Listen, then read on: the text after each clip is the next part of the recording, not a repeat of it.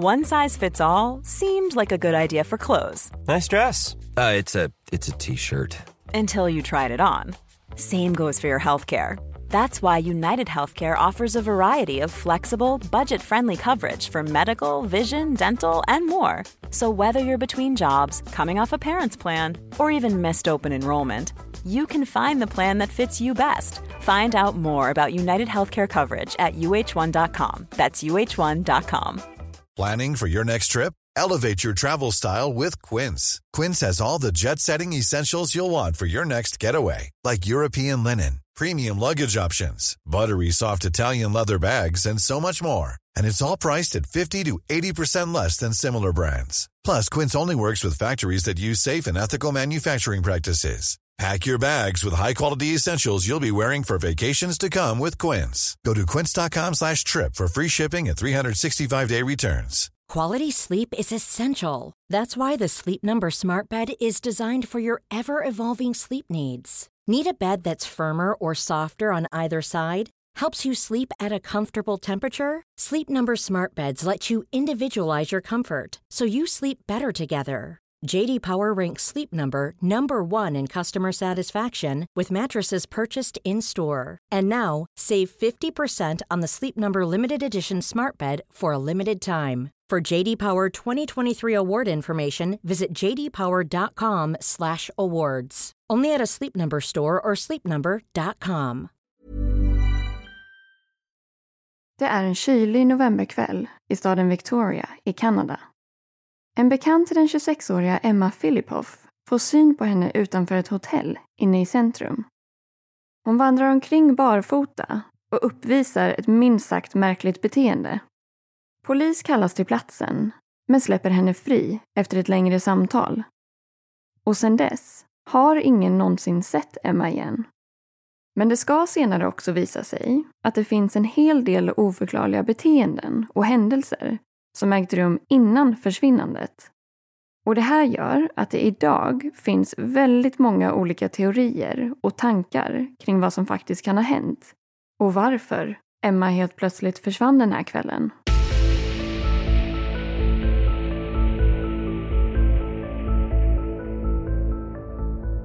Hej på er och välkomna ska ni vara till avsnitt nummer 15 av Rysapodden. Och vi har ju som alltid längtat efter att få släppa ännu ett avsnitt. Och förhoppningsvis är ni nu redo att sätta er in i ett nytt typ av ämne än sist. För i det här avsnittet så ska vi nu återigen gå in lite mer fördjupat på ett fall, nämligen försvinnandet av Emma Filipoff. Ja, och eh, när vi först kom över det här fallet så tänkte vi väl lite att hur mycket information kan det finnas om det här försvinnandet egentligen? Och är det tillräckligt för att kunna få ihop ett helt avsnitt om? Och svaret på den frågan visade sig absolut att vara ja. För i det här fallet så finns det nämligen tillräckligt mycket information och material för att man skulle kunna sitta och göra research i dagar, veckor och till och med månader. Det kan man minst sagt säga. Jag har nog aldrig lyssnat igenom så pass många timmars material i något av våra andra fall. Men det är ju inte heller speciellt konstigt egentligen, för det här skulle nog absolut kunna beskrivas som ett av Kanadas mest omtalade försvinnanden under senare år. Så just därför har ju vi nu då försökt att tratta ner all den information som finns där ute till vad vi tippar på kommer bli ungefär en timmes avsnitt kanske. Och trots att vi nu har försökt att hålla oss till en rimlig avsnittslängd här så får vi i alla fall hoppas att vi lyckas ge er en någorlunda tydlig och övergripande bild av hela det här fallet. Ja, men det får vi hoppas. Vi ska definitivt göra vårt bästa. Men nu känns det som att vi har inte någon tid över för att snicksnacka i flera minuter till här, så nu tar vi och sätter igång direkt.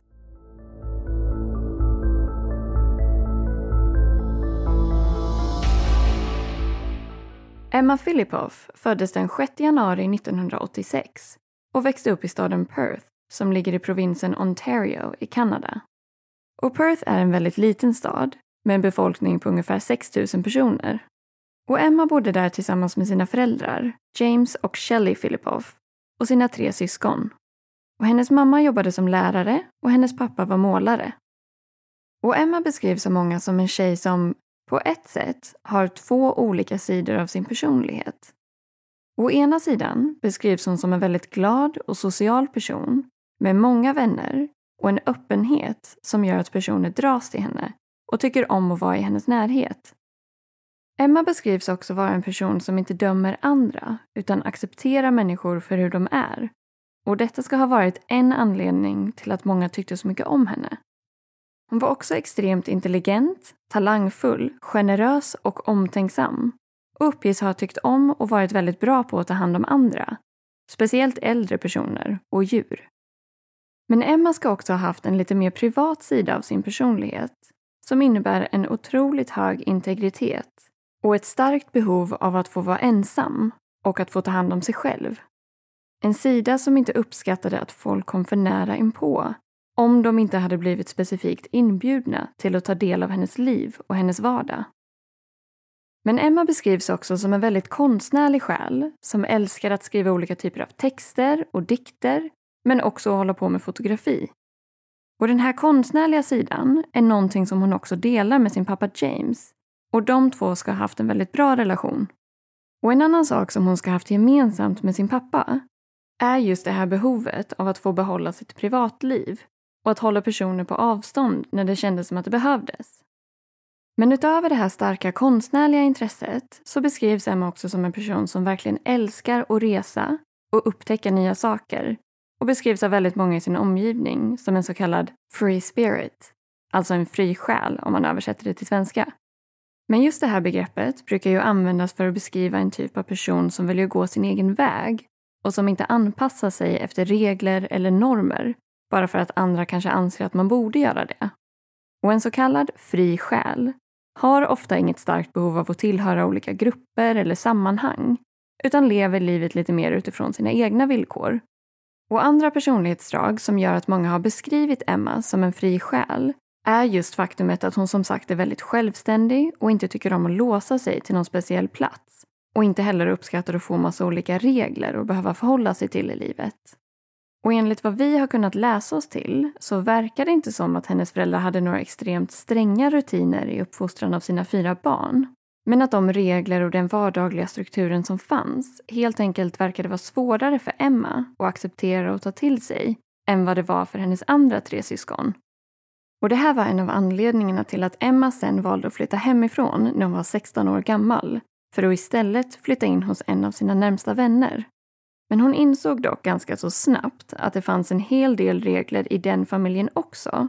Och till slut så fick Emma en egen lägenhet där hon kunde bo. Och när hon fyllde 18 år så valde hon att lämna hemstaden Perth för att studera. Och till slut hade hon genomgått en kockutbildning och en utbildning inom bildjournalistik. Och dessutom så lyckades hon också få en examen i båda ämnena. Hon var alltså väldigt driven och intelligent och under en kort period så var hon också i Kina för att undervisa i det engelska språket. Och när Emma sen var 22 år gammal så skilde sig hennes föräldrar och av de fyra barnen i familjen så verkade hon vara den som tog det allra hårdast. Och givetvis så reagerar alla väldigt olika på sådana här typer av förändringar. Men för Emma så verkar det här vara en väldigt traumatisk upplevelse så man kan minst sagt säga att den här skilsmässan tog riktigt hårt på henne. Och ett par år efter det här, 2011, så har Emma hunnit bli 25 år gammal och har ju vid det här laget flyttat runt en hel del, bland annat då på grund av studier. Och slutligen så väljer hon att flytta till staden Victoria som ligger i provinsen British Columbia, precis vid den södra spetsen av ön Vancouver Island. Och för er lyssnare som eh, precis som oss två kanske inte heller har stenkoll på Kanadas geografi så kan man i alla fall förklara det som att Victoria i princip ligger helt på andra sidan av landet jämfört med hennes hemstad Perth i Ontario. Så Emma väljer alltså att flytta i princip så långt bort som hon kan komma utan att faktiskt behöva lämna Kanada. Och i ren nyfikenhet så började vi kika på exakt hur långt det var och om man åker bil så skulle det ta ungefär 45 timmar. Men det är i alla fall dit som Emma väljer att flytta. Och Victoria är en relativt stor stad med en befolkning på ungefär 85 000. Och det är också ett populärt turistmål med flera kända historiska byggnader. Och den här staden lockar också väldigt många unga studenter från andra städer i Kanada och andra länder eftersom det finns flera väl ansedda skolor i just det här området. Och Victoria ska utöver det vara en väldigt populär stad bland äldre och pensionärer på grund av ett relativt milt klimat i kombination med en ganska så lugn och avslappnad atmosfär. Och den här mentaliteten och det lugnare tempot i Victoria verkade passa in ganska så bra med Emmas personlighet. Och faktumet att hon flyttade just dit kändes därför ganska så naturligt på ett sätt, även om det såklart var en bra bit hemifrån för henne. Men det finns vissa tankar om att Emma eventuellt valde att flytta så pass långt bort för att hon på något sätt ville skapa sitt eget utrymme och kanske också komma ifrån sin familj lite grann. Men som sagt har i alla fall inte vi kunnat hitta några specifika anledningar till varför hon skulle vilja komma ifrån sin familj. Utöver det att hon hade en stark vilja om att skapa sitt eget liv snarare än att följa någon annans spelregler eller struktur. Och kanske var hon också på den här välkända resan som vi alla säkert någon gång har gett oss in på. Nämligen den att hitta sig själv.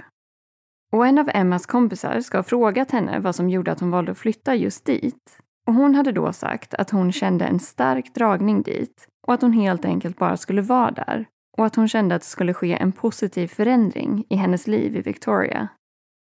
Men när Emma sen flyttade dit under hösten 2011 så hade hon ingen egentlig plan för vad hon skulle göra där eller hur hon skulle försörja sig.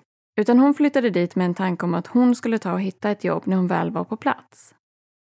Och hon fick jobb som barista på ett café men det varade inte speciellt länge och hon var bara anställd där under en kortare period. Men efter ett tag så fick hon till slut jobb på en fiskrestaurang som heter Redfish Bluefish som ligger vid den inre hamnen i Victoria. Och det här var ett säsongsjobb så hon arbetade där under sommaren och hösten 2012 och lämnade sen sin anställning i slutet av oktober 2012. Och det här var på grund av att restaurangen brukade stänga ner verksamheten under vintermånaderna eftersom att det var lågsäsong då. Men tanken var oavsett att Emma skulle komma tillbaks och återuppta sin anställning igen i början av våren året därpå för att jobba ytterligare en säsong där. Och hon ska ha sagt till sina kollegor att hon planerade att komma tillbaka i februari 2013. Men mellan de här två tidpunkterna skulle väldigt mycket hända och Emma skulle därför aldrig komma att återvända till det här jobbet igen.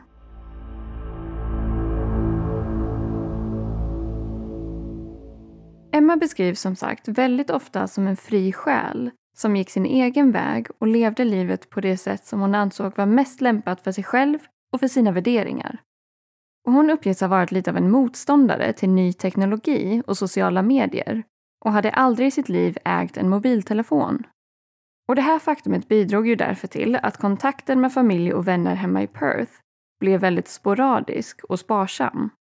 Men Emma uppges ändå ha haft en del kontakt med sin familj efter att hon hade flyttat till Victoria. Och någon enstaka gång hände det att de hördes via telefon och det var i sånt fall när hon ringde från en telefonkiosk. Men framförallt så skedde all kontakt via mail och tydligen ska det då ha handlat om kanske ett mail i månaden. Och både familj och vänner har beskrivit att Emma inte riktigt var den typen av person som skrev ett vanligt mejl det vill säga kanske frågade hur det var hemma och eh, berättade hur hon mådde och vad hon har hållit på med på senaste tiden. Utan hennes mejl var oftast mer poetiskt skrivna och lite mer som beskrivande dikter. Och enligt hennes mamma Shelley så ska kommunikationen ibland också till och med ha känts ganska så kryptisk. Så det var alltså inte så mycket matnyttig information i de här mejlen och det blev därför väldigt svårt att få koll på vad Emma gjorde och hur hon mådde. Och man kan ju tänka sig att det kanske blev lite frustrerande som förälder eftersom ens barn alltid kommer vara ens barn oavsett ålder och att allt man egentligen vill veta är om de befinner sig i en trygg miljö och att de mår bra i sin vardag. Och i en amerikansk podcast som heter The Generation Y så har man haft möjligheten att intervjua Emmas mamma Shelley som då ska ha sagt att hon trots allt kanske inte kände sin dotter så pass väl som hon trott eller kanske önskat att hon gjorde. Och det kan man ju absolut förstå. Men samtidigt är det inte speciellt lätt att upprätthålla en nära relation med en person som inte vill eller har möjlighet att investera lika mycket tillbaka. Och nu kanske det låter som att Emma var en väldigt tillbakadragen person som inte gillade någon form av social kontakt eller relationer. Men som jag nämnde tidigare så beskrivs hon ju samtidigt också som en väldigt glad, social, utåtriktad och omtänksam person. Så hon kanske helt enkelt valde med omsorg vilka personer i sin omgivning som hon ville fokusera sin sociala energi på. Men om vi tar och hoppar tillbaka lite till Emmas vardag i Victoria så hade hon ju som sagt nu precis slutat jobba på den här fiskrestaurangen eftersom att de då hade stängt för säsongen. Och hon var nu utan anställning eller inkomst. Men det är dock värt att nämna att hon absolut inte var helt pank bara för det. Utan hon hade faktiskt en hel del besparingar. Till och med flera tusen dollar på sitt bankkonto vid den här tidpunkten. Så det var egentligen inget problem för Emma att vara utan inkomst under den här perioden när restaurangen var stängd. Men trots att hon hade tillräckligt med ekonomiska resurser för att kunna hyra en egen lägenhet eller ett rum någonstans så hade Emma aldrig någon permanent bostad eller adress under den tiden som hon bodde i Victoria. Och när hon inledningsvis flyttade dit så bodde hon hos en kompis som hon känt sedan barndomen i Perth. Och därefter så bodde hon en kortare period i en lägenhet i samma byggnad. Men efter ett tag så valde Emma att lämna även den lägenheten. Och hela den här grejen med att hon inte hade någon permanent adress var någonting som hennes familj och vänner där hemma inte visste eller förstod förrän betydligt senare. Men det kan man ju såklart också förstå på ett sätt med tanke på den extremt sparsamma kontakten som de hade med henne. Men Emma ska i alla fall ha hoppat runt och bott på olika hotell, båtar och ibland till och med sovit under träden ute i skogen. Men som sagt så borde hon ju ha haft råd att ordna ett eget boende. Men eventuellt ville hon helt enkelt inte stadga sig eller låsa fast sig vid en specifik plats. Utan istället ha möjligheten att kunna röra sig fritt utifrån vad hon kände för. Så Emma hade alltså ingen fast punkt eller adress vid den här tidpunkten. Men det hon däremot hade var sin skåpbil och några få ägodelar. Hon hade en ryggsäck som hon alltid bar med sig som innehöll bland annat en kamera, en dator och ett gosedjur som hon haft sedan hon var ett litet barn. Och det här var Emmas käraste ägodelar som hon bar med sig överallt. Och den här skåpbilen som hon ägde hade hon köpt sommaren 2012, alltså ungefär ett halvår innan hennes försvinnande. Och tanken med det här inköpet ska ha varit att hon skulle kunna bo i skåpbilen och samtidigt förvara alla sina tillhörigheter där. Och till en början så var Emma väldigt glad och exalterad över den här nya lösningen och all den frihet som hon skulle kunna få genom att äga en bil och samtidigt kunna resa runt som hon ville och också ha en plats där hon kunde ha sina saker.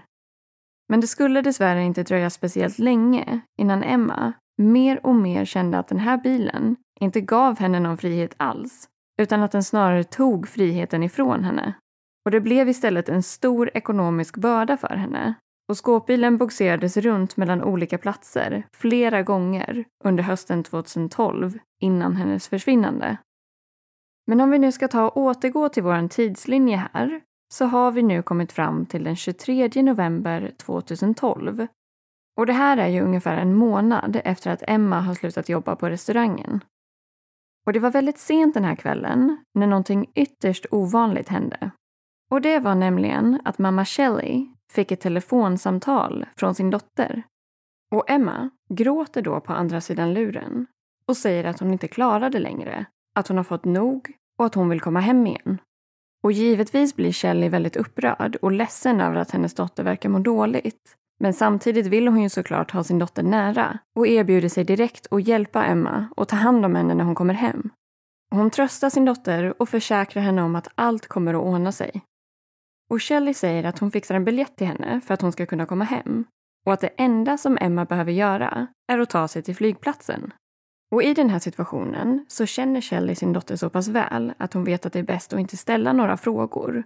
För det är så otroligt ovanligt att Emma skulle ringa så här och Shelley vill därför inte skrämma bort henne.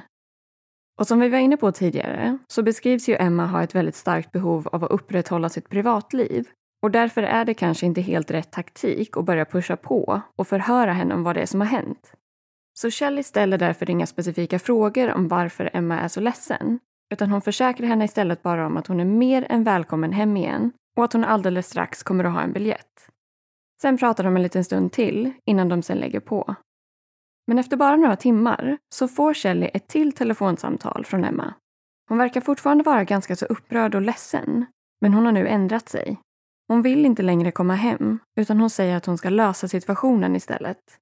Och hon säger då till Shelley att hon ska avboka den biljetten som hon precis hade köpt efter det tidigare samtalet. Och Shelley får då en orolig känsla i magen, men väljer ändå att göra som Emma ber henne. Och hon bollar också det här beslutet med de andra i familjen och alla är då starkt övertygade om att det bästa i det här läget är att göra som Emma vill och att respektera hennes önskemål. För hon är som sagt väldigt intelligent och självständig och har ett starkt behov av att få göra saker på sitt eget sätt. Men ett tag efter det andra samtalet så kommer sen ett tredje telefonsamtal från en upprörd Emma där hon återigen säger att hon måste komma hem. Och hon ber nu sin mamma att komma och hämta henne. Och Shelley bokar då direkt en ny biljett och den här gången åt sig själv för att flyga ut till Victoria och hämta hem sin dotter. Men kort därefter kommer ännu ett telefonsamtal där Emma tar tillbaks allt det här igen och säger att Kjell inte alls behöver komma dit. Och de här konstiga och motsägelsefulla samtalen pågår sedan under ett par dagar. Och vid det här laget är Shelley så pass orolig för sin dotter att hon nu väljer att strunta totalt i Emmas senaste önskemål, vilket då var att hon inte skulle komma dit. Så hon behåller sin biljett och bestämmer sig för att åka ut till Victoria ändå eftersom att hon inser och känner av att någonting är väldigt fel. Och enligt uppgift ska Emma, i det allra sista telefonsamtalet till sin mamma, som ägde rum tidigt på morgonen den 28 november, ha bett henne att inte komma dit i kombination med meningen I don't know how I can face you. Alltså ungefär, jag vet inte hur jag ska kunna se dig i ögonen. Och som sagt så var det en hel del telefonsamtal fram och tillbaka mellan Shelley och Emma. Och vid ett av de här samtalen så upptäckte Shelley att telefonnumret kunde kopplas till namnet Sandy Merriman. Och hennes spontana tanke är då att Sandy är en vän eller bekant som Emma har lärt känna i Victoria och kanske lånat den här personens telefon vid just det här samtalet. Så Shelley bestämmer sig därför för att ringa upp den här personen med förhoppningen om att få tag på Emma och kunna informera om att hon nu kommer att åka till Victoria ändå. Men när hon får svar på andra sidan luren så blir Shelley minst sagt väldigt förvånad eftersom personen då svarar Sandy Merriman House, härberge för kvinnor.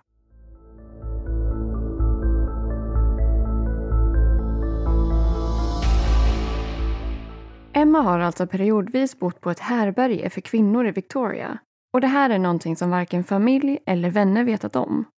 Och det här samtalet till Shelley kom då från deras kontorstelefon. Och det visade sig sen att personalen på härbärget var medvetna om det här eftersom deras rutin verkade vara att någon ur personalen alltid skulle sitta med och övervaka alla utgående samtal. Men efter att Shelley hade ringt upp det här härbärget så ska personalen ha informerat Emma, som då fortfarande bodde där, om att hennes mamma letade efter henne och att hon nu var på väg till Victoria. Men enligt Shelley själv så ska hon tydligen aldrig ha berättat för personalen att hon faktiskt tänkte åka till Victoria. Så det är därför väldigt oklart hur de visste att hon bestämt sig för att åka dit. Men oavsett vad så väljer Shelley som sagt att flyga ut till Victoria och hon kommer fram dit ungefär vid 11 på kvällen den 28 november. Och hon beger sig då direkt till härberget i hopp om att kunna hitta sin dotter där. Och när hon väl kommer dit så får hon information om att de hade förväntat sig att Emma skulle vara där, men att hon hade lämnat härbärget tidigare den här kvällen och sen inte dykt upp igen. Och mer information än så ville personalen inte ge henne eftersom att de ska ha haft en väldigt strikt sekretesspolicy att förhålla sig till. Vilket man såklart kan förstå med tanke på att det här är ett härbärge för utsatta kvinnor. Men en chef eller ansvarig på boendet ska dock ha sagt till Shelley att eftersom Emma borde ha varit på härbärget vid den här tidpunkten men inte kommit tillbaks på utsatt tid som hon hade behövt för att kunna säkra sitt rum för natten så kanske man ändå borde anmäla henne försvunnen till polisen. Och Shelley har i intervjuer sagt att hon upplevde att allt det här var väldigt konstigt och att hon anade att personalen på härberget visste betydligt mer än vad de sa eftersom att de var så pass snabba med att vilja anmäla försvinnandet. Men oavsett vad så anmäls Emma i alla fall som försvunnen hos polisen. Och Shelley planerade utöver det att ge sig ut på stan i Victoria för att leta efter henne. Polisen ska dock ha avrått henne ifrån att bege sig ut helt själv mitt i natten eftersom att det inte är säkert. Så istället bokar Shelley därför ett rum på ett hotell som låg precis mitt emot härberget och ber specifikt om att få ett rum med utsikt över entrén dit. Därefter så var hon vaken hela natten och kollade ut genom fönstret i hopp om att Emma skulle dyka upp. Men dessvärre så gjorde hon aldrig det. Och då kan man ju såklart fråga sig vad Emma gjorde den här dagen, alltså den 28 november. Så vi tar helt enkelt och hoppar tillbaka till morgonen. Och som tidigare nämnt så ringde ju Emma sitt sista samtal till sin mamma den här dagen och det var vid ungefär halv fem på morgonen. Och det här var ju då för att be henne att inte komma till Victoria. Och ett par timmar senare, vid klockan sju den här morgonen, så beger sig Emma till ett parkeringsgarage vid hotellet Chateau Victoria eftersom att det var dit hennes skåpbil senast hade boxerats till. Hon inser då att hon har fått en notis från personalen på hotellet om att den behöver boxeras bort igen eftersom att den nu inte får stå där längre. Och Emma ska då ha blivit väldigt upprörd och bett om att få en dag till på sig att flytta bilen. Och de säger då att det är okej. Okay. Och lite senare, vid ungefär halv nio den här morgonen, så beger sig Emma till en 7-Eleven butik. Och när hon är där så köper hon ett förbetalt kreditkort som hon sätter in 200 dollar på. Och det här är lite som en mix mellan ett presentkort och ett kreditkort som man kan köpa och sen ladda på ett valfritt belopp. Och sen kan man då använda det i princip överallt och betala med det här kortet istället för kontanter eller ett vanligt kreditkort som oftast har en högre maxgräns på. Och ett sånt här kort skulle alltså kunna vara ett bra sätt för att kunna kontrollera vilket belopp som spenderas. För när det är slut så är det slut och då får man fylla på saldot igen för att kunna använda kortet. Och om man istället ska vinkla det här åt ett annat håll så skulle man ju eventuellt kunna tänka sig att det här också kan vara ett bra sätt för att inte kunna spåras lika enkelt som om man använder ett vanligt kreditkort eftersom att de alltid är registrerade till en persons namn och adress. Och givetvis kan man ju dock tycka att kontanter trots allt kanske vore ännu bättre om man ville handla utan att kunna spåras. Men i alla fall. Senare den här dagen så återvänder Emma till den här 7-Eleven butiken. Och den här gången var det för att köpa en kontantkortsmobil och i och med att det är just kontantkort så går det ju inte att spåra på samma sätt som en mobil med ett vanligt abonnemang. Men om man ska fundera lite kring det som Emma nu har köpt så är det alltså både ett kreditkort och en mobiltelefon som är svåra att spåra. Och bara det här känns ändå lite misstänkt och man kan ju därför spekulera kring om det var så att de faktiskt hade någon form av plan för att kunna försvinna iväg någonstans och helt enkelt inte ville att någon skulle kunna hitta henne.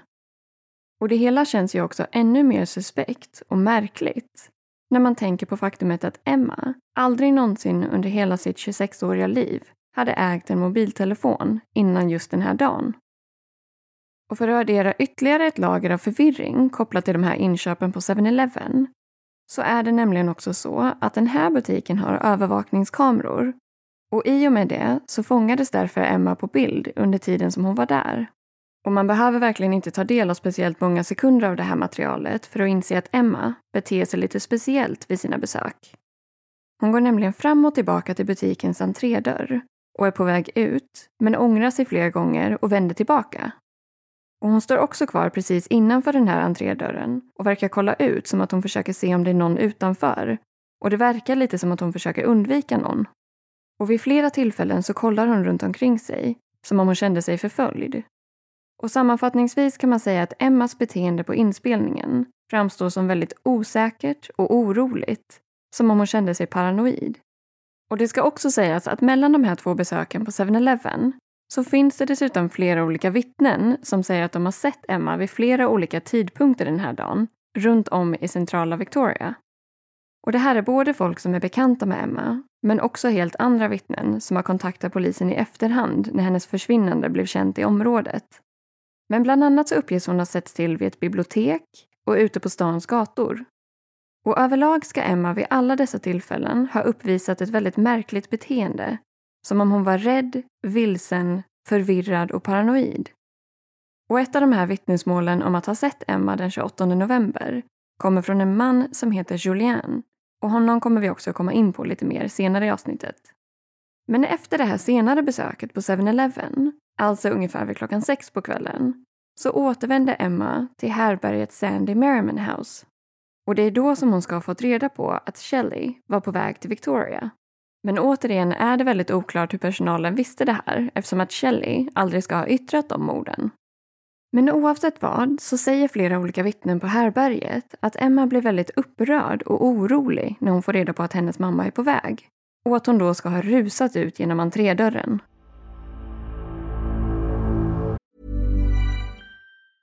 Hej, det är Danny Pellegrino from Everything Iconic. Ready to upgrade your style game without blowing your budget? Check out Quince. They've got all the good stuff shirts and polos, activewear, and fine leather goods, all at 50 to 80% less than other high end brands. And the best part? They're all about safe, ethical, and responsible manufacturing. Get that luxury vibe without the luxury price tag. Hit up quince.com slash upgrade for free shipping and 365 day returns on your next order. That's quince.com slash upgrade. There's never been a faster or easier way to start your weight loss journey than with PlushCare. PlushCare accepts most insurance plans and gives you online access to board-certified physicians who can prescribe FDA-approved weight loss medications like Wigovi and Zepbound for those who qualify. Take charge of your health and speak with a board-certified physician about a weight loss plan that's right for you. Get started today at plushcare.com slash weight loss. That's plushcare.com slash weight loss. plushcare.com slash weight loss.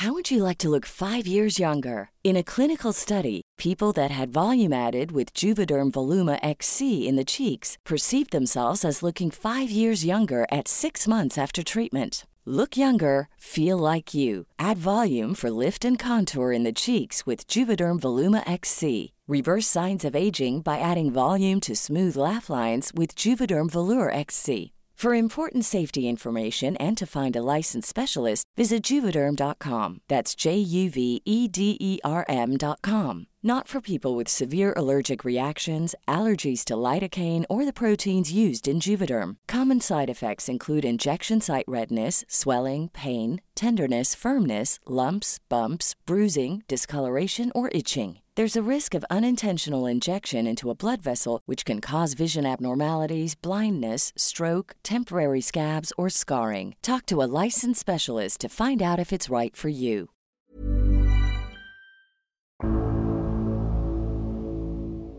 En kort stund efter att Emma stormat ut från härberget så hoppar hon in i en taxi och ber om att få bli körd till flygplatsen. Och värt att notera här är ju faktumet att Emma, via personalen på härberget som hon nyss lämnade, i det här läget har fått veta att hennes mamma är på väg till henne och att hon letar efter henne. Det känns därför som en väldigt märklig sak att göra, att hoppa in i en taxi och dra iväg till flygplatsen just då. Men av någon anledning verkade hon ju minst sagt ha blandade känslor över att hennes mamma skulle komma dit, baserat på den reaktionen som hon fick på härberget. Men Emma frågar i alla fall den här taxichauffören vad det kommer kosta och han svarar då att det kommer gå på ungefär 60 dollar. Hon ändrar sig då väldigt plötsligt och säger att hon har inte råd att betala den här resan och ber istället chauffören att släppa av henne igen, där hon blev upphämtad. Och absolut, 60 dollar är inga småslantar. Men dels borde ju Emma kanske inse eller vara något medveten om ungefär vad det kostar att åka till flygplatsen från den staden som hon faktiskt bor i. Och utöver det så vet man ju att hon hade en hel del pengar på sitt vanliga bankkonto och att hon hade åtminstone 200 dollar på det här förbetalda kreditkortet som hon hade köpt tidigare den här dagen. Så därför känns det väldigt suspekt att hon då säger att hon inte har råd att åka ut till flygplatsen. Men oavsett vad så gör taxichauffören som hon önskar och kör henne tillbaka till upphämtningsplatsen. Därefter ska Emma ha frågat om det är okej okay om hon kan få stanna kvar i taxin en stund. Han säger att det är helt okej, okay, men förklarar att hon tyvärr får lov att hoppa ut när han får ett utrop på radion för att hämta upp en ny kund. Och en kort stund passerar, men sen börjar radion att låta vilket tydligen ska ha skrämt Emma. Och den här taxichauffören har vittnat om att han tyckte att hennes beteende då blev ännu märkligare. Hon uppges ha blivit väldigt orolig och paranoid när radion börjar låta och hon ska ha stirrat på den och frågat varför kommer det ljud ur den där? Men Emma betalar sen för den korta taxiresan runt kvarteret med sitt vanliga bankkort och hoppar sen ut ur taxin och chauffören åker vidare. Och bara en kort stund senare den här kvällen, ungefär vid kvart över sex, så får en bekant till Emma syn på henne precis utanför The Empress Hotel i centrala Victoria. Och det här är en man vid namn Dennis Quay och han blir väldigt förvånad när han ser henne eftersom hon då vandrar omkring och ser förvirrad, vilsen och paranoid ut. Utöver det här så är hon också helt barfota. Och det här var ju ändå i november och kollar man på ett genomsnitt av graderna i Victoria vid den här tiden på året så är det kanske som varmast 11 grader och kan bli neråt 5 grader. Så det kanske inte är den mest optimala tiden på året att vandra omkring utan skor. Dock ska det här beteendet i sig inte ha varit speciellt konstigt för just Emma eftersom hon älskade att vara barfota. Men även om man uppskattar barfotakänslan så kanske man inte väljer att vara det just i slutet av november månad i Kanada. Men oavsett vad så uppfattade Dennis hela deras samtal som udda. Han frågade bland annat om hon letade efter någon eller om det kanske var någon som följde efter henne. Hon ska då inte ha gett så mycket till svar utan fortsatte istället bara att kolla runt omkring sig hela tiden. Emma frågar sedan Dennis om han kan gå med henne en stund. Men det dröjer inte länge innan hon blir mer och mer obekväm i situationen och av Dennis frågor. Och till slut säger hon att hon vill gå själv istället. Nu har klockan blivit ungefär sju på kvällen och Dennis oro växer sig allt starkare. Han beslutar därför att ringa till polisen för att uttrycka sin oro och ber om att de gör en så kallad välfärdskontroll och kollar till Emma eftersom hon betedde sig så märkligt. Dennis väntar sen kvar tills polisen kommer dit en kort stund senare. Och när han ser att de börjar prata med Emma så lämnar han sen platsen i tron om att hon nu borde vara i säkra händer. Nu är klockan ungefär kvart över sju och hon befinner sig fortfarande precis utanför The Empress Hotel. Och polismännen var som sagt på plats för det här laget och de ställer massor av frågor till Emma för att utvärdera hennes tillstånd. Och enligt polisens anteckningar så svarade hon bara på frågorna genom att nicka eller skaka på huvudet. Första gången hon ens började prata med dem uppges ha varit efter ungefär 30 minuter då hon gav dem sitt eget namn. Emma ska ha vägrat sätta på sig sina skor som hon bar på. Och hon ska senare också bland annat ha sagt att hon bara bearbetade lite saker och var ute på en promenad och att hon skulle hem till en kompis. Efter ungefär 45 minuters samtal, alltså runt klockan åtta den här kvällen, så har polisen utvärderat Emma och kommit fram till att hon inte utgör något hot för sig själv eller andra och låter därför henne gå. Och de här polismännens identitet och hela det här samtalet är strikt konfidentiellt. Och det finns därför lite olika information om vad det är som faktiskt sades under de här 45 minuterna. För enligt vissa källor ska till exempel polisen ha frågat Emma om hon var deprimerad eller ledsen eller om hon hade suicidala tankar och hon ska då ha sagt nej. Men det är svårt att säga helt säkert för detaljerna kring samtalet har som sagt aldrig blivit offentligt. Och Shelley ska tydligen i efterhand också ha skickat in en ansökan om att få ta del av informationen, men den blev då nekad. Och det ska senare ha riktats en del kritik mot polisen för att de valde att släppa Emma istället för att ta in henne till polisstationen eller ta henne till ett sjukhus. Men samtidigt får man ju också komma ihåg att Emma var 26 år gammal och alltså en vuxen kvinna som inte kan tvingas till någonting om det inte känns nödvändigt enligt lag. Och faktumet att de stannade där i 45 minuter betyder ändå att det bör ha spenderats en hel del tid på att försöka utreda hennes tillstånd. Så man får väl helt enkelt hoppas att poliserna faktiskt gjorde sitt bästa i den här situationen och inte såg några allvarliga varningstecken. Men det här 45 minuter långa samtalet ägde ju som sagt rum mellan kvart över sju och åtta på kvällen den 28 november. Och bara ett par timmar efter det här så skulle ju Shelley också komma fram till Victoria och börja leta efter sin dotter som vid det här laget inte återvänt till härbärget. Och det här mötet med poliserna är den sista gången som man med 100% säkerhet vet att någon har sett Emma.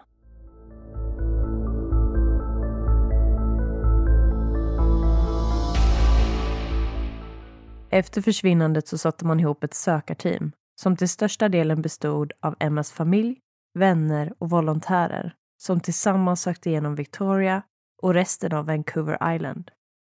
Polisen hade dykare som gjorde stora sökinsatser runt om hamnen i Victoria, men utan resultat. Sökområdet blev sedan allt större och sträckte sig över hela provinsen British Columbia. Därefter så valde man att inkludera andra platser i Kanada och USA och Emma var fortfarande spårlöst försvunnen. Och det finns ju, som vid de allra flesta sådana här försvinnanden, ett flertal olika teorier kring vad det är som faktiskt kan ha hänt. Och jag tänker att vi presenterar några av dem som är mest förekommande i det här fallet och pratar lite om vad som talar för och emot. Det ska dock sägas att det finns så otroligt mycket mer information att ta del av kring varje teori, så att det här blir bara en kort sammanfattning Men det är värt att nämna att det går att hitta mycket mer detaljer om man skulle vilja fördjupa sig i det här fallet på egen hand sen. Men den första teorin om vad som kan ha hänt Emma är att hon ska ha tagit sitt eget liv eller på något annat vis till följd av psykisk ohälsa orsakat sitt eget försvinnande. Och utifrån händelseförloppet och Emmas beteende perioden innan och under själva dagen för hennes försvinnande så finns det ju absolut indikationer på att någonting kanske inte stod helt rätt till och att Emma på ett eller annat sätt verkade må psykiskt dåligt vid tidpunkten för försvinnandet.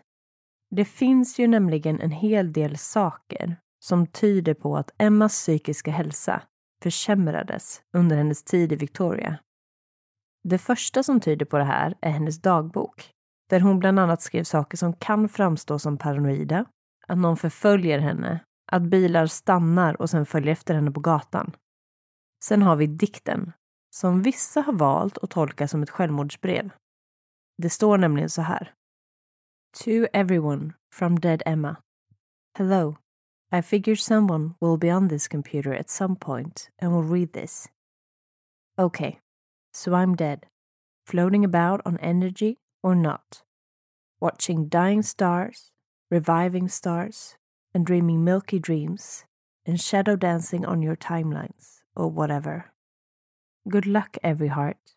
I love you. M. De som känner Emma tror inte att det här är ett självmordsbrev. Bland annat av den simpla anledningen att hon var så privat att bara tanken på att någon skulle läsa hennes innersta tankar krockar med den personen som Emma var.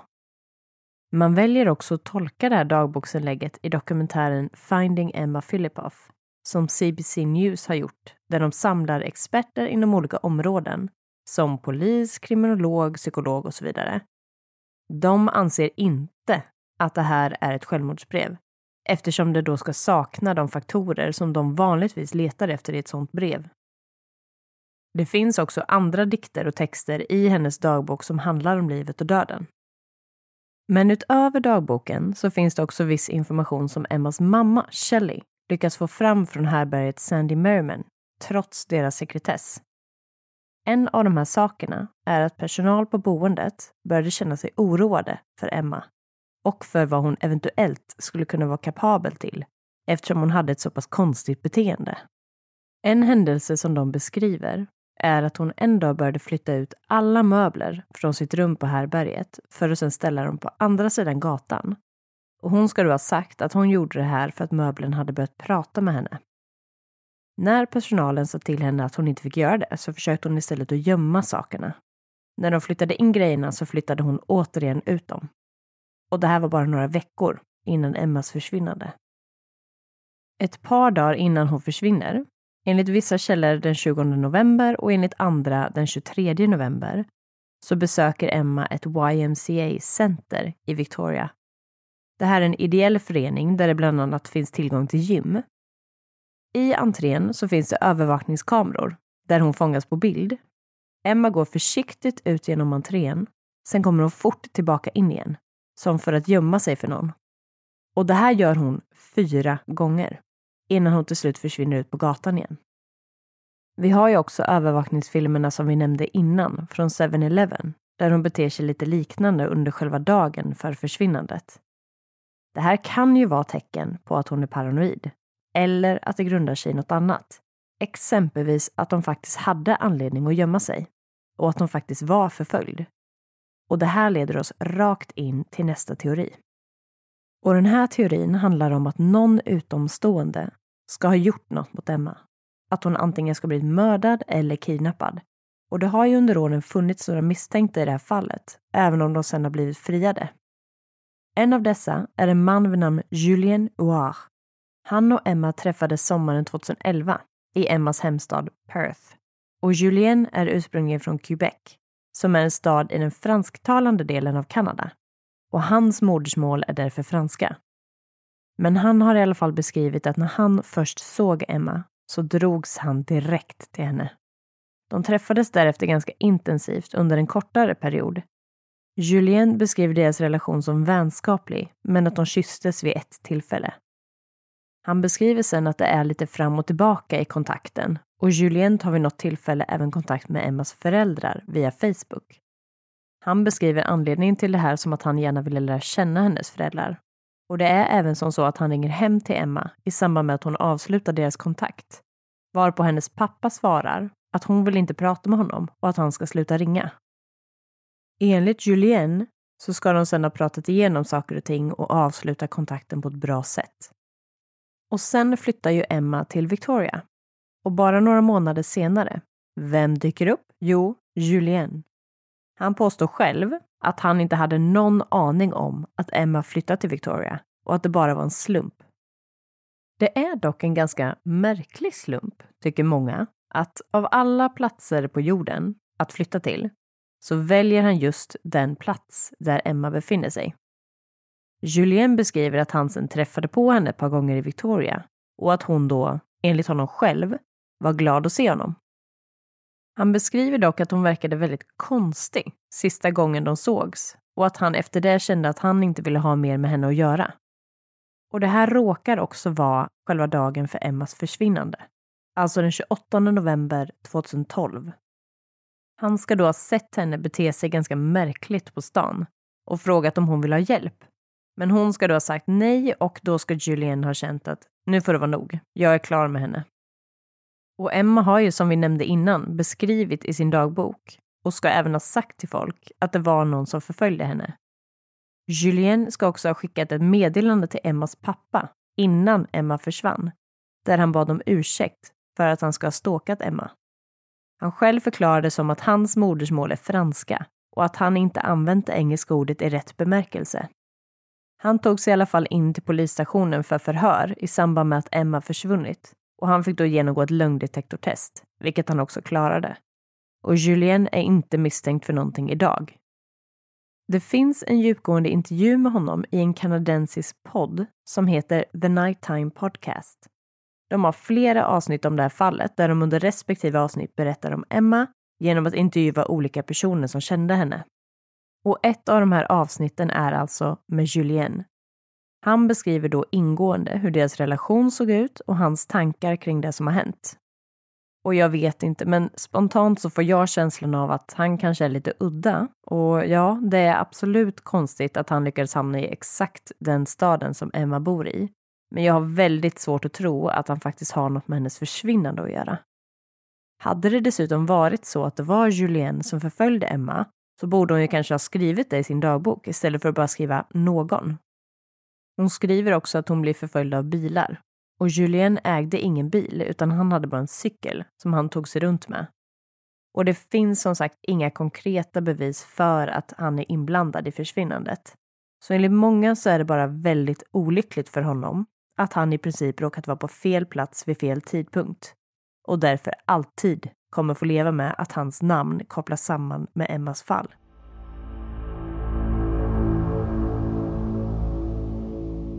En annan man som blev misstänkt i det här fallet dök upp i samband med att man faktiskt hittade Emmas förbetalda kreditkort, alltså det som hon köpte på 7-Eleven och fyllde på med 200 dollar. Kortet lokaliserades ganska exakt en vecka efter hennes försvinnande och det var i samband med att den här mannen försökte köpa cigaretter med det på en bensinstation. Han säger då, enligt polisen, att han hade hittat kortet en bit utanför Victoria. Han fick också genomgå ett lögndetektortest och blev sedan helt friad. Och i The Nighttime Podcast och avsnittet där de pratar med Shelley så berättar hon att den här mannen ska ha ringt henne. Han skulle ha sagt att han inte alls hittade kortet där polisen sa, utan att han faktiskt inte minns vart det var och att han också ska ha sagt det till polisen. Den här mannen var alkoholist och hade tydligen druckit vid tidpunkten och hade därför väldigt svårt att komma ihåg exakt vart han hade hittat det här kortet.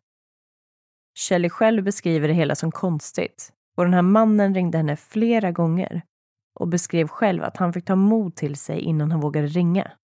Shelley uppger att om han ljuger, så varför ringer han? Och om han inte ljuger, varför säger polisen att mannen har sagt att han vet vart han hittade kortet? Så hela den här delen är ju minst sagt lite oklar och det känns på ett sätt väldigt konstigt att polisen valde att släppa den personen som faktiskt hade någon form av fysiskt bevis kopplat till Emma Men vem vet, det kanske fanns en vettig anledning till att han släpptes fri som vi inte vet om. Men i övrigt då, vad gäller teorin om mord och kidnappning? Om nu Emma blivit mördad, vilket skulle ha kunnat ske, speciellt med tanke på att hon var helt ensam och dessutom verkade må psykiskt dåligt vid den här tidpunkten. Kanske blev hon upplockad eller på något sätt lurad därifrån och sen mördad. Men frågan som då kvarstår är ju varför har man än idag, så pass många år senare, fortfarande inte hittat en kropp eller några bevis för det här?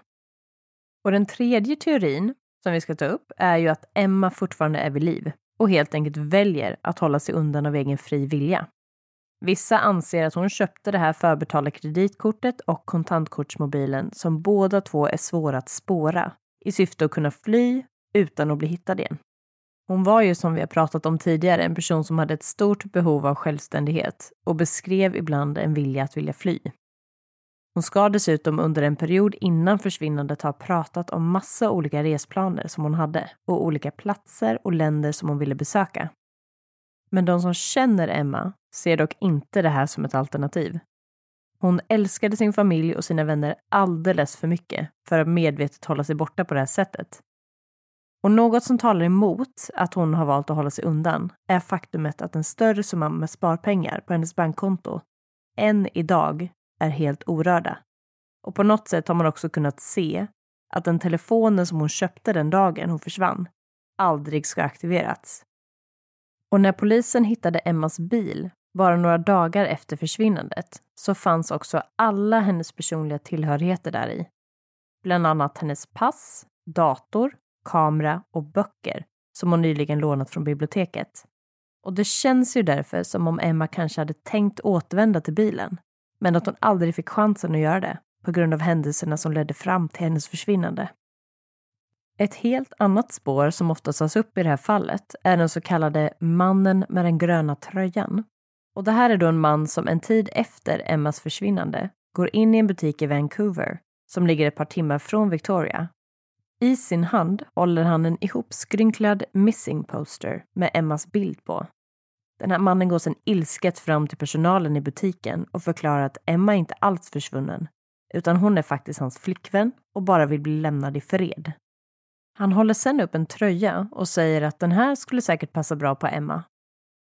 Och den här mannen har fångats på övervakningsfilm, men ingen har tyvärr gett sig till känna och erkänt sig vara mannen i grön tröja, eller sagt att de kände till honom.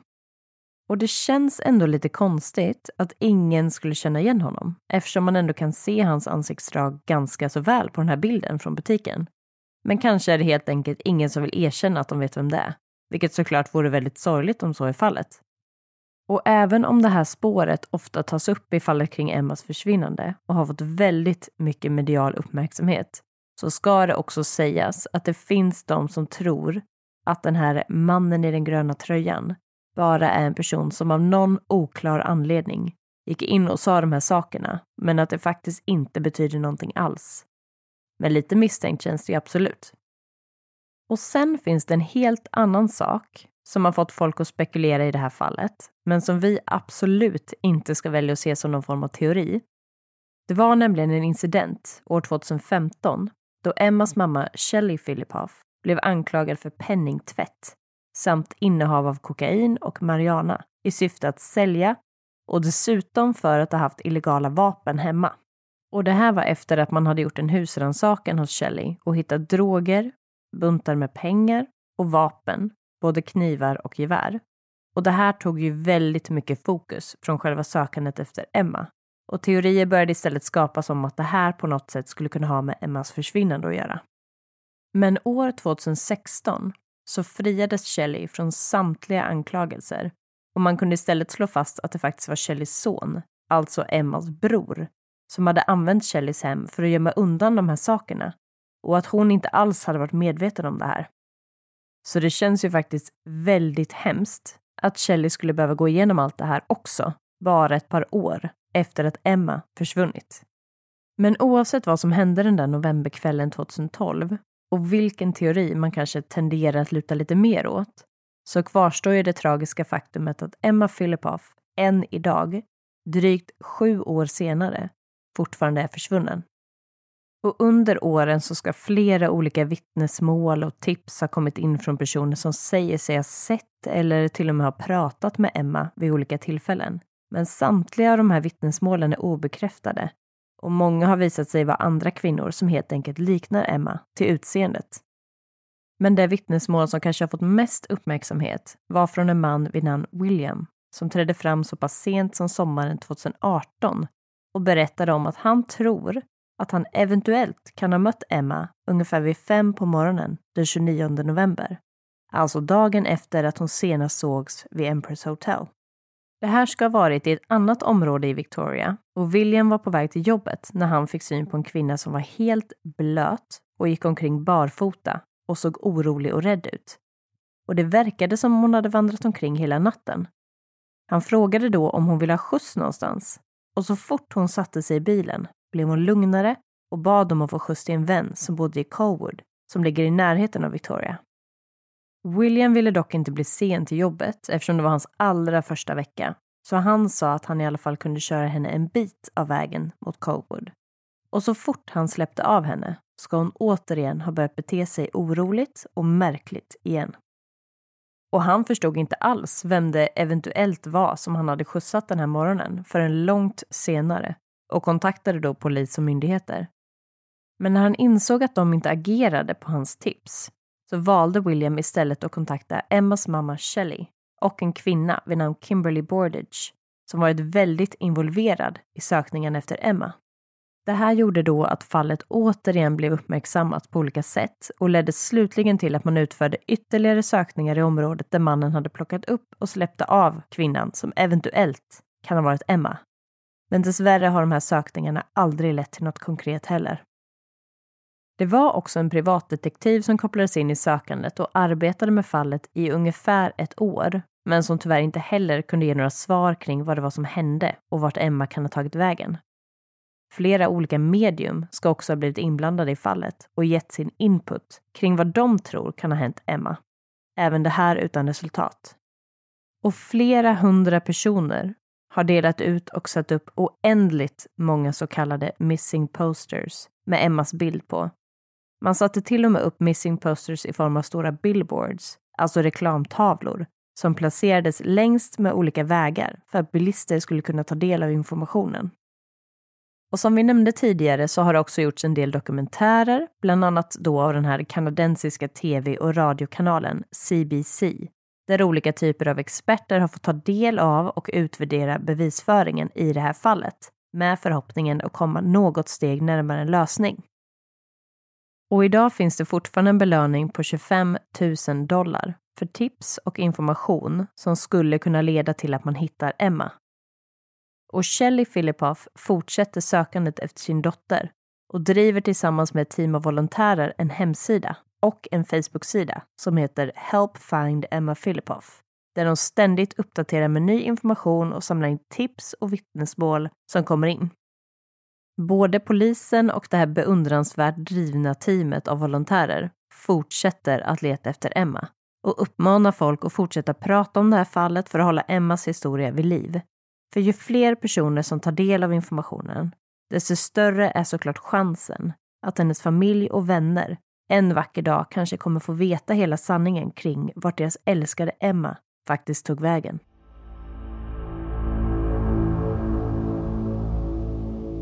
Ja, som sagt finns det ju sjukt mycket information och väldigt många olika tankar och teorier i det här fallet. Men jag känner nog i alla fall att hennes försvinnande på något sätt har varit kopplat till hennes psykiska ohälsa. Men exakt hur är ju såklart väldigt svårt att veta. Men en sak som i alla fall känns säker är ju att den här kvinnan verkligen inte mådde bra. Nej, det gjorde hon absolut inte. Och vi har ju inte gått in på alla detaljer kring Emmas beteende. Men det känns ju som att det har funnits varningstecken under flera års tid innan det till slut kulminerar och bara blir värre under tiden som hon bodde i Victoria. Men både Emmas familj och vänner ska ju vid flera olika tillfällen ha försökt att hjälpa henne och uppmanat henne att söka professionell hjälp. Men som alltid är det ju så extremt svårt för utomstående att veta hur illa det faktiskt kanske är för den som lider av psykisk ohälsa. Eftersom det farligt nog oftast inte syns på utsidan. Så det är ju minst sagt väldigt komplext, men vi har i alla fall en stark känsla och förhoppning om att Emma trots allt hade folk runt omkring sig som ville finnas där och hjälpa och stötta henne. Men att det tragiskt nog på något sätt ändå gick fel, även om vi såklart inte vet varför eller hur det här hände. Nej, vi gör ju inte det. Och eh, det här känns ju verkligen på ett sätt som ett olösligt pussel. Och man kan ju inte ens föreställa sig hur hemskt det måste vara för hennes familj och vänner att inte få veta och bara jaga runt hela livet utan att få ett ordentligt avslut på allt det här. Men man får väl helt enkelt bara hoppas att det någon gång kan bli möjligt. Ja, det får vi ju verkligen hoppas för deras skull.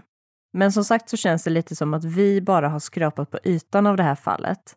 Så om ni är intresserade av att läsa vidare på egen hand så finns det som sagt massor av information, dokumentärer och poddar där ute att ta del av.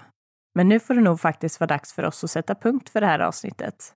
Men vi hoppas i alla fall att ni har tyckt att det har varit intressant att ta del av det här fallet. Och innan vi slänger oss på end record-knappen här så ska vi också passa på att säga att ni mer än gärna får höra av er till oss och komma med idéer på andra typer av fall och olika ämnen som ni skulle vilja att vi tar upp i kommande avsnitt. Och hur ni enklast kontaktar oss kan ni se i beskrivningen till avsnittet om ni inte redan har koll på det. Och som alltid vill vi också skicka med ett stort tack för att just du har valt att lyssna på det här avsnittet av Rusapodden.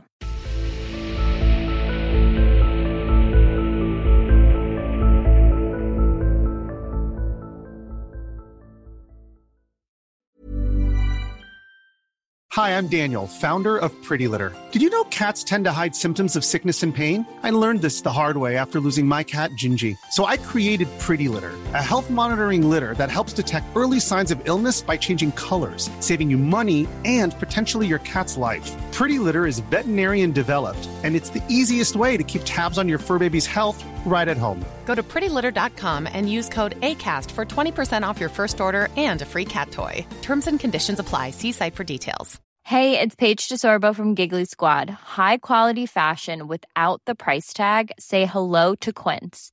I'm snagging high end essentials like cozy cashmere sweaters, sleek leather jackets, fine jewelry, and so much more. With Quince being 50 to 80% less than similar brands. And they partner with factories that prioritize safe, ethical, and responsible manufacturing. I love that. Luxury quality within reach. Go to quince.com slash style to get free shipping and 365 day returns on your next order. Quince.com slash style. Hold up. What was that? Boring. No flavor. That was as bad as those leftovers you ate all week. Kiki Palmer here, and it's time to say hello to something fresh and guilt-free. Hello Fresh. Jazz up dinner with pecan-crusted chicken or garlic butter shrimp scampi. Now that's music to my mouth. Hello Fresh. Let's get this dinner party started. Discover all the delicious possibilities at hellofresh.com.